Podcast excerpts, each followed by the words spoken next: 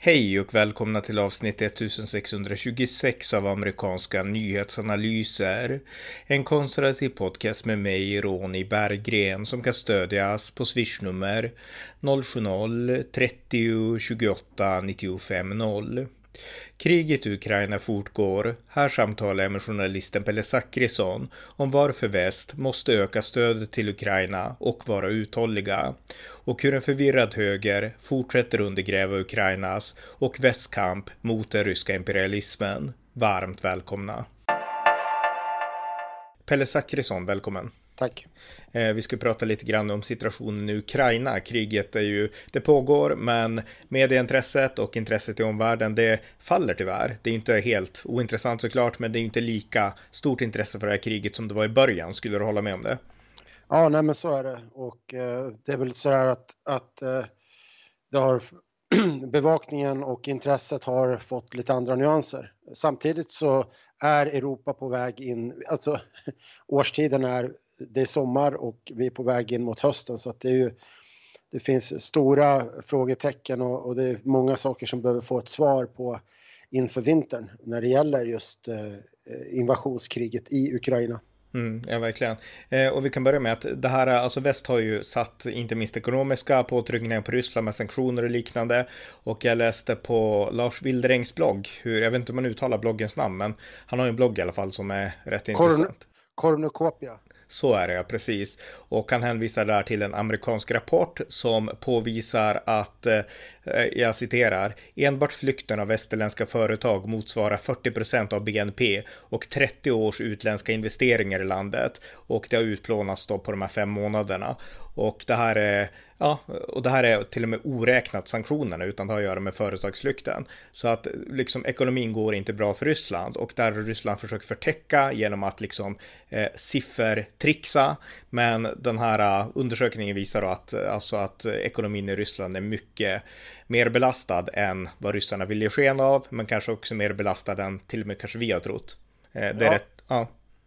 Nej men så, så är det säkert. Det är som jag tänker att eh, många kanske glömmer bort det är att i, i Ryssland så har man ett, eh, ja, det generaliserar naturligtvis, men det, det, kan vara så att man har ett annat sätt att eh, eh förhålla sig till saker, alltså att eh, man har lite mer tålamod, att Putin han tänker att eh, han lever inte i en kvartalsekonomi, han eh, tänker att eh, ja, för om vi såg de här siffrorna om vi såg eh, att vi tappar 40% av alla utländska företag och så vidare. Då gör man, tar man ett rationellt beslut och säger ja, men nu avbryter vi det här för det här nu på vårt nu är vår, eh, vårt land är på väg åt helvete. Det här kommer inte att hålla. Men Putin och hans närmaste, de kanske gör en helt annan bedömning utifrån sina utifrån sitt sätt att se på saken. Och jag tror att ibland kan det vara en kombination av önsketänkande och eh, helt enkelt att man har en dålig förståelse för motståndaren som gör att när en sån här rapport, för jag har också läst den, när en sån här rapport kommer då, blir, då leder det till önsketänkande och så tänker man att ja men snart så kommer Putin att försvinna. Jag, jag ifrågasätter inte siffrorna, jag tror att de stämmer men jag tror att man ska vara försiktig med att dra slutsatsen att det här kommer innebära att eh, ryssen är knäckt, att att eh, Ryssland kommer att vika ner sig. Jag tror att det kan innebära att, eh, att Putin och hans led närmaste att man istället fortsätter att någon form av utmattningskrig, utnötningsstrategi i, i Ukraina. Man har inget att förlora utan det är lite så också nästan då. Ja, ja, men, ja men precis. Alltså det, man, har, man har målat in honom i ett hörn eller nej, man har inte målat, han har målat in sig i mm. hörn. Såklart. Men man är, Ryssland är där man är och det enda sättet att ta sig ur kanske då är att ja, men man håller ut. Och, och så, jag menar, vad var det, Stalingrad som övervintrade i 600 dagar eller någonting. Ja, eh, precis. Nu har ju inte Putin exakt samma järngrepp som Stalin hade över Ryssland, men, men alltså absolut, alltså han vill ju driva Ryssland åt det hållet och frågan är liksom om ryssarna kommer att tröttna eller inte.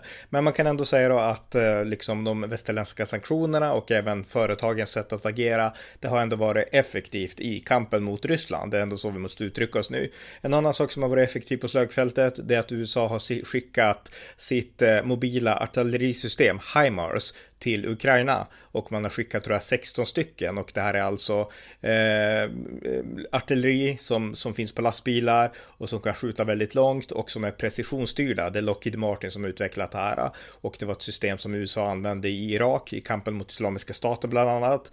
Och det som är unikt för det här systemet är att det är total precision. Alltså när man krigade mot Isis, då ville man ju, alltså då var det hus och liknande och eh, det kunde bo en terrorist i ett hus och en vanlig familj i ett annat hus. Så att de här gjordes specifikt för att kunna precisionsträffa på enormt långa avstånd.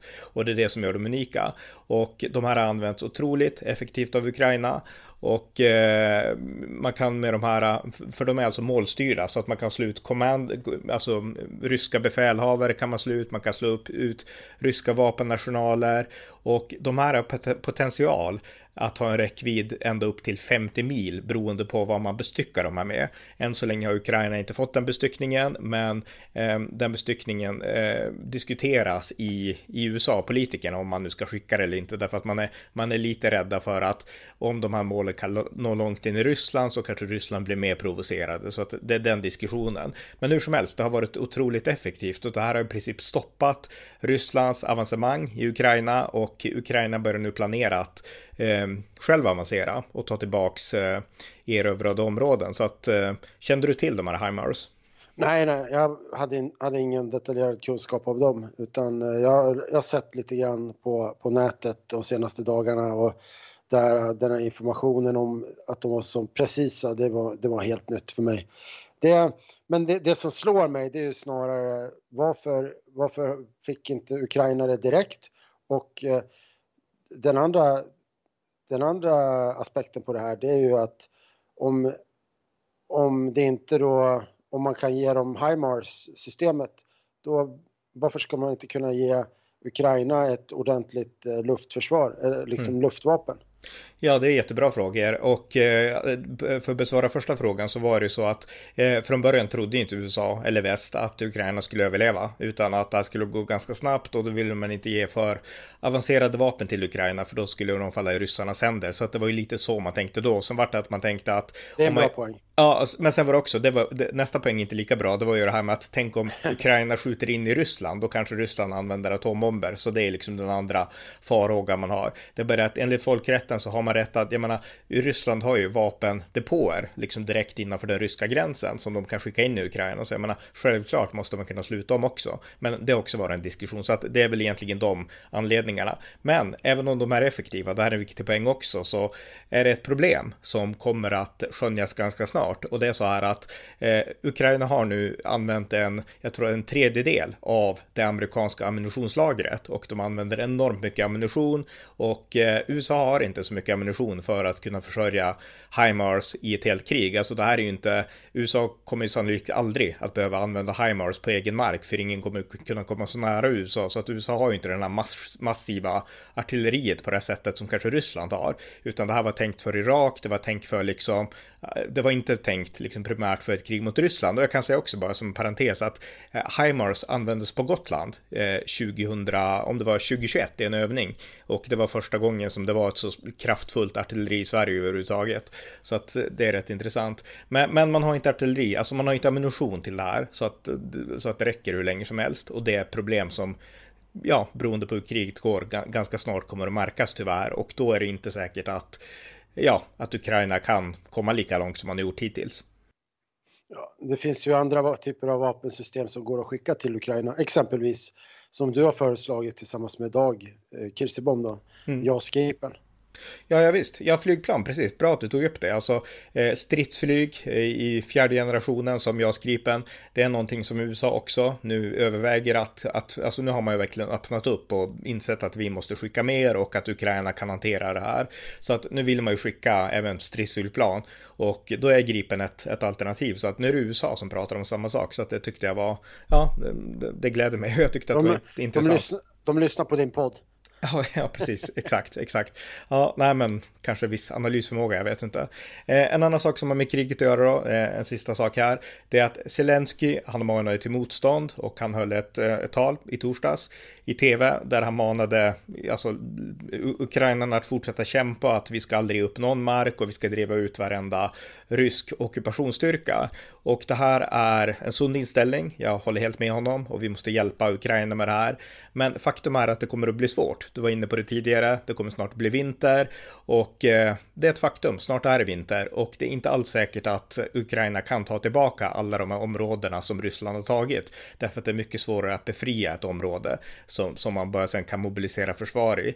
Nu, nu pratas det om att Ukraina kanske kan återta Kherson, Kherson i, i september och lyckas de så vore det bra. Men, men det kan bli tufft och den farhåga som finns bland de analytiker jag har läst det är att om Ryssland kan behålla de här områdena i vinter och det rapporteras också att Ryssland redan har börjat dela ut ryska pass i de här regionerna för att få människorna att känna sig som ryska medborgare. Det är en långtida rysk taktik.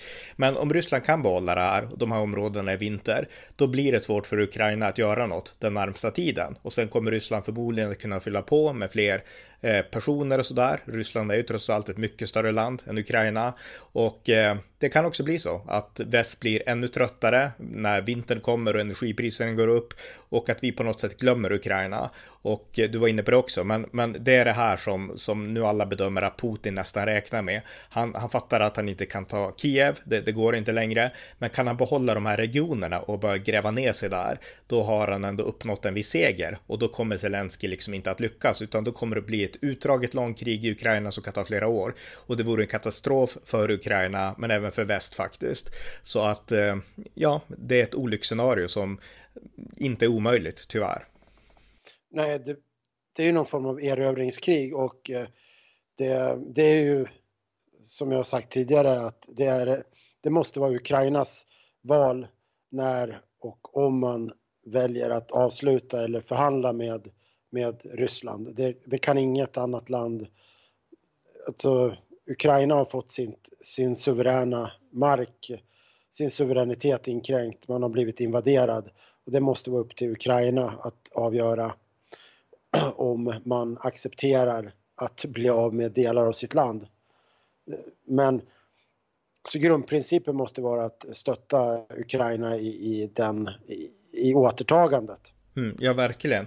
Och det viktiga... Men, ja, fortsätt. Mm. Men, men, med det sagt så om, om eh, en offensiv kan återta så mycket som möjligt under sommaren och hösten och sen ja, får man se vart man har landat, vart man har hamnat där då. Mm. Men det viktiga är att liksom stödet verkligen förblir trofast, att väst inte tappar tålamodet och att vi är beredda att också genomlida våran beskärda del i den här kampen som Ukraina strider. Det är av yttersta vikt, därför att jag menar, om eh, vi, väst, för vi har ju nu investerat i det här, om vi misslyckas i Ukraina, då kommer Putin att rikta, blick, rikta blickarna mot Polen kanske, mot Baltikum och ja, kanske mot Gotland, Gotland också. Så att eh, vi men, måste... Men jag vill, jag vill bara pausa där, för det du säger här, det är att väst har investerat i det här äh, och att vi behöver backa upp Ukraina. Skälet till att väst ska investera i Ukraina, skälet till att vi har backat upp Ukraina, det handlar ju om att Ukraina är en, det är liksom ett slagfält. Det är en, kampen mellan Ryssland och väst står i Ukraina. Det är inte ett, äh, det är inte, för det kommer ju ett argument från olika håll att att eh, liksom ett ifrågasättande till varför ska väst ta den här eh, striden? Och en, ibland, så, ibland så glömmer man att förklara det där och jag tror att det är viktigt att förklara varför, behöv, varför är det av helt yttersta vikt att ta striden mot Putin i Ukraina? Ja, eftersom att om Ukraina faller, då står Baltikum, då står Polen på, på, på tur. Mm. Och det, det, handlar inte bara om det utan det handlar också om att bevara en, en amerikansk hegemoni. En, en, den världsordning som har rått sedan andra världskriget. Mm. Och, Exakt. Och, ja, och, och, det är ju liksom, och det handlar om en, vad ska vi säga, en, den, den liberala demokratin som i den liberala demokratin så har, så kan stora åsiktsskillnader existerar, stora konflikter existerar, Men, men om man backar tillbaka, om man sjunker tillbaka, då, då tar länder som Ryssland och framförallt Kina, de tar ju, tar ju de sitt ut, då tar ju de utrymmet. Mm, ja, verkligen. Ja, ja, alltså det här är en kamp för hela den liberala demokratiska världsordningen. Så att eh, jag håller helt med det där. Och det för oss... Ja, ja jag bara, bara säga det att och när man då säger den liberala demokratiska världsordningen handlar det ju inte om någon, någon det här vänsterliberala tramset. Det är inte, pratar inte om något vänsterliberalt eh, liksom, ideologiskt bjäfs utan nu pratar vi pratar om, om politisk, libera politisk liberalism som ja, det heter, alltså i statsvetenskapstermer som handlar om, liksom om liberala demokratier och då inte liksom left-wing utan alltså liberal demokrati handlar om individuell frihet, demokratiskt styrelseskick och liknande. Så att det, ja. liksom, det är det det handlar om såklart äganderätt. Ja. ja, bra påpekande. För det, nej, men det är sant, alltså många blandar ihop det där idag när man säger liksom, liksom politisk liberalism, då tror man att man menar Folkpartiet liberalerna, att man menar left-wing liberals eller så, men det är liksom det statsvetenskapliga termen. Jag har, jag har inte tänkt på det, men det är viktigt nej. att förtydliga nej, det. Jag mm. tror att det är extremt viktigt att förtydliga att det handlar inte om att stå upp för någon slags vänsterliberal eh, tolk, woke-företräde. Alltså, för att det handlar inte om att stå upp för något vänsterliberalt trams, något eh, woke, eh, ska man säga, en woke-världsordning. Utan, och i grunden så är ju, ja, nej men fortsätt. Eh, ja, precis. Nej, men alltså, eh, det jag tänkte säga, nej men exakt, precis, det handlar inte om det, utan det handlar om politisk frihet på riktigt. Eh, men det för oss över till nästa sak, och det är att eh, alla, eh, och tyvärr eh, inte ens alla på högersidan, är inte liksom eniga i synen på Ukraina och i synen på Ryssland. Och vi har pratat om det förut och jag, att det finns en del störande tendenser inom högerrörelsen, i USA inte minst, men även i Europa och även i Sverige, där man då är, man är emot krig, för att göra det enkelt. Och det innebär i praktiken att man blir emot, alltså man blir emot väst, emot NATO, man på något sätt ställer sig lite grann på Rysslands sida och man misstänkliggör Zelensky och liknande. Och eh, nu senast så var ju Zelensky och hans hustru, de var med på omslag till Vogue, den här eh, modetidningen som jag inte läser regelbundet, men, men jag såg det. Och eh, då kom det massa sådana kommentarer i sociala medier att Åh, titta vilket fejk liksom allting är, liksom, nu är landet i krig säger de och här flashar de i liksom modetidningar, alltså fattar ni inte vilket båg allt det här är ungefär. Jag har sett ganska mycket sånt i mitt flöde från höger högeraktörer, om man säger så. Ja, nej men att, eh, att de gör, att Vogue åker dit och gör ett eh, reportage med Zelensky och hans fru är ju, tycker jag är helt oproblematiskt. Sen tycker jag att, eh, jag, jag har sett bilderna, jag tycker väl att eh, det, det, är väl en PR-mässigt eh, är det väl inte helt optimalt eh, från Zelensky och hans fru att man kan ju ibland tänka så här, read the room, alltså läs rummet, fundera på hur, hur kommer det här äh, tas emot. Och, så att det, ja, absolut, men i grunden, i grunden så är det här äh, så det, jag har ju sett en del av de här kommentarerna, så används det där som någon slags intäkt för att det går ju att konstatera att ja, det där var väl mindre lyckat, punkt. Men det är ju inte sådär att det här, det här reportaget på något sätt skulle avslöja att ja men Zelensky är en bluff. Alltså hela rapporteringen under våren, hela all, all rapportering har ju visat att Zelensky har stannat i Kiev när Kiev utsattes för bombning och så vidare. Det är ju det som är hans track record. Mm. Inte att han ställer upp i en intervju i, i Vogue. Ska man, dö, ska man döma honom på att att Vogue gör, tar en massa modebilder på honom och hans fru. Nej, och dessutom de reste dit och sen kan också sägas, jag menar, det här är ju, Zelensky är ju ansiktet utåt för Ukraina, det var han ändå som fick hela världen att intressera sig. Jag menar, om Zelensky inte hade visat det ledarskapet, hade världen varit så intresserad av Ukraina? Knappast alltså. Vi kan se, jag menar, minns Afghanistan när det föll, Ashraf Ghani som han la benen på ryggen och drog därifrån och väst insåg att nej, de har inget ledarskap, låt landet förfalla, vi kan inte göra något. Ukraina hade kunnat bli likadant om de inte hade haft en ledare, för det var ju Zelensky som alla världens ledare såg. Biden, Magdalena Andersson, alltså alla såg Zelenskyj och tyckte wow, de har en ledare. Och det har ju bidragit till att väst har slutit upp som vi har gjort bakom Ukraina. Så jag menar, att klandra Zelenskyj, det är verkligen, jag skulle säga att det visar på något sätt att man är, eh, ja, man är emot det här kriget och man tror liksom nästan på konspirationsteorier skulle jag säga. Det, det är antiintellektuellt. Det är, det är eh, um, visar på att man har brist, brist på förståelse och så är det liksom slapp intellektuellt. Det är mm. liksom trött. Ja, men, men just den här äh, tendensen då att inom, för grejen att det här sprids inom högerrörelsen, de här bilderna. Det vore en sak om det var kommunister, Vänsterpartiet som spred sånt här, men det är inte det, utan det är liksom inom högern i USA, inte minst. Jag har sett republikanska kongresspersoner dela den här bilden och skriva nedvärderande saker om Zelensky. Och i USA så har vi ju, nu minns jag inte hur många det var, men det var det tio republikaner som röstade emot eh, Sveriges och Finlands NATO-inträde. Och det var ju representanthuset och det här var tydliga Trump-republikaner och eh, ja, vi kan även se vissa delar av, liksom, jag vet inte om man kan säga alt-right högern i, Europa, men eh, den här ja, mer besynnerliga delen av högern som också liksom sprider de här bilderna i, i, liksom i Europa, även i Sverige på sociala medier. Så att jag menar, jag tycker vi har ett problem inom högern och vi har pratat om det förut, men det problemet kvarstår skulle jag vilja säga.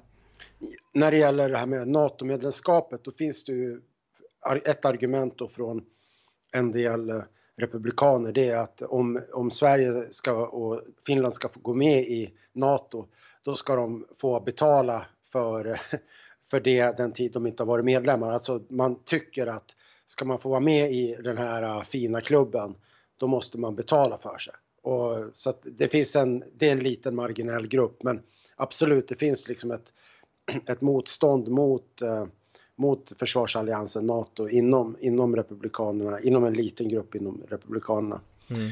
Men jag, jag, jag, jag har ju sett ett inslag här med Tucker Carlson som jag tycker är eh, väldigt belysande kring det här och, och Tucker Carlson han, eh, han eh, i det här inslaget här så ska vi se han, då, då säger han att Ukraina de fortsätter ljuga och påstår också att han, han, säger att Ukrainas regering ljuger. Och sen säger han också att ukrainska ledarna har ett totalt förakt för amerikaner och att man bara vill ha amerikaners pengar. Och, och det här då, då citerar han när Zelensky har uttalat sig om att, för Zelensky får en fråga om inflation och då säger Zelensky ungefär inflation, vem bryr sig om inflation? Och då kan man ju tänka mot bakgrund av att ett land håller på att bli erövrat av Ryssland så då kanske inte inflationen är det första man tänker på utan då, då tänker man mer på, på att landet ska överleva och, och stå emot invasionen. Mm. Och sen, sen, i det här inslaget då så spekulerar Tucker om att eh, han ser bilder på när Zelensky träffar bland annat Lindsey Graham och en republikansk eh, senator. Och då spekulerar han, ja han verkar inte så bekymrad över sin personliga säkerhet så att eh, ja, eh, det måste vara något eh, fuffens med det här ungefär. Och, och det, det här, och det har ju Dag Kirsebom, det vet alla att, att Kiev har blivit befriat. Det är inte, det är inte en krigszon idag. Det, det kommer flyglarm och så vidare, men det är inte en krigszon. Men, och, och dessutom ska tilläggas att, att det har jag läst, liksom läst flera rapporter om att säkerheten kring Zelensky är jättestark. Alltså du får inte träffa Zelensky utan att ha gått igenom flera säkerhetskontroller. Nej, Ryssland försökte ju mörda honom. De skickade ju liksom mördar legosoldater som skulle mörda honom i början av kriget som vart stoppade av hans livvakter. Så att, eh, mm. ja, nej men och hela det här inslaget som Tucker Carlson gör, det, där, stä, och det, där ställer han gör, liksom, gör så här falska dikotomier, alltså ställer saker mot varandra. Han säger, och han ljuger också, han påstår att eh, båda partierna i Washington, inget av dem bryr sig om eh, den amerikanska gränsen, alltså den mot Mexiko, men alla bryr sig om, om eh, Ukrainas gräns mot Ryssland. Mm. Alltså faktum är att eh, så sent som för förra veckan tror jag så la republikaner gick man ut och lovade att man skulle fortsätta bygga muren, Trumps mur mot Mexiko. Så det är inte bara det att han det är inte bara det att han sitter och spekulerar fritt utan han sitter ju och blåljuger ja. när han pratar. För att, att vara att vara för, det är inte så att man kan vara för Ukraina, att det per automatik innebär att man är mot att stoppa illegala invandrare till USA. Och, och det, är det, det, är det här som blir så skruvat i Tucker Carlsons och hans eh, minioners världsbild ofta. Mm, Inte ja, alla. Verkligen. Men att de gör alltså, tycker man, tycker man att eh, bara för att Joe Biden har, bara för att Joe Biden då stöder Ukraina Sen kan man ju tycka att han stöder Ukraina dåligt, men mm. bara för att Joe Biden stöder Ukraina då ska man per automatik vara emot stöd till Ukraina. Och det här är så hjärndöd analys så jag vet inte var jag ska börja. Nej, jag håller helt med. Totalt hjärndött. Och eh, Trump, han driver ju, han säger ju inte exakt så, men Trump säger också samma sak. Alltså de tänker mer på gränsen i Ukraina än på Mexiko. Men han, han drar ju inte det för båda partier, för han vet ju att Republikanerna tänker på gränsen till Mexiko. Så att eh, han, han riktar det mer mot Biden då. Eh, och där kan det vara säkert vara så i Bidens fall. Men alltså det ena utesluter inte det andra, precis som du var inne på. Nej, men, jag, men sen tycker jag ändå att politiker, eh, beslutsfattare, debattörer och opinionsbildare måste förklara hela tiden och förankra hela tiden varför måste man stötta Ukraina? Ja, det handlar inte om att man ska vara snälla, snäll mot Ukraina. Alltså det är realpolitik. Det handlar om att för, om Ukraina, om man tappar Ukraina, då kommer, då skickar man dels, alltså dels så flyttar Ryssland sin gräns närmare. Men sen skickar man jävligt dåliga signaler till Kina. Mm. Och vill man verkligen att Kina ska bli en starkare aktör? Vill man, vill USA på sikt få sin världshegemoni eh, inte bara ifrågasatt utan också bort, bli bortpetad från eh, sin roll som eh, nummer ett i världen. Mm. Ja, så det Republikanerna måste göra nu, därför att det är inom Republikanerna problemet finns, det är att återkoppla till Ronald Reagan. Jag menar, den här världsordningen vi har nu, det är en amerikansk världsordning i grund och botten. Det är USA som upprätthållit den sedan 1945 över hela världen. Och eh, det var USA som lovade att skydda Europa, liksom efter andra världskriget med NATO och allt annat, mot framtida aggressioner. Alltså USA har varit Europas säkerhetsgarant i liksom, vad blir det nu, 80 år typ, eller någonting mer kanske. Eh, så att eh, Eh, det är ju, eh, alltså, det är, av, det är i USAs intresse att liksom värna Europa i en sån här situation. Och det är någonting som republikanerna förstod mycket väl under Ronald Reagan och alla presidenter har väl egentligen förstått det. Men nu har liksom republikanerna tappat det och de har helt gått in i det här att allt handlar om woke och det här interna kulturkriget. Och det är viktigt utan tvekan, men de måste inse att det är helt nödvändigt att göra två saker liksom samtidigt. Ja, det för den analys som jag tycker man kan se att Demokraterna gör är snarare eh, någon form av postmodernistisk analys om att det handlar om att eh, ja, men man ska göra gott, man ska hjälpa Ukraina, inte ur strategiska, av strategiska skäl utan snarare för att, att man vill, eh, ja men det här ideologiska. Mm.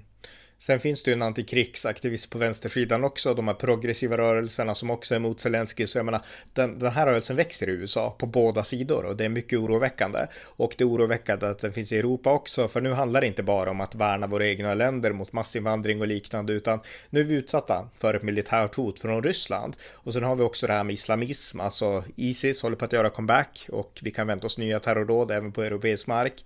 Och vi har Kina i Asien, det påverkar inte Europa direkt på samma sätt sätt, men det är ett problem som måste hanteras. Så att eh, vi har gått in i en ny militariserad värld och jag tycker inte att högern har vaknat upp inför det som, som vi borde än. Utan det är, jag menar, även här i Sverige, jag menar, nu är ju det, det är regeringspartiet Socialdemokraterna, men det är ändå liksom initiativ hela tiden på det militära och högern, visst vi är för NATO, men, men, men det är inte liksom den här initiativförmågan tycker jag, utan högern har liksom på något sätt lämnat walkover när det gäller säkerhetspolitik, försvarspolitik och en tuff liksom västbetonad utrikespolitik och det tycker jag är mycket synd.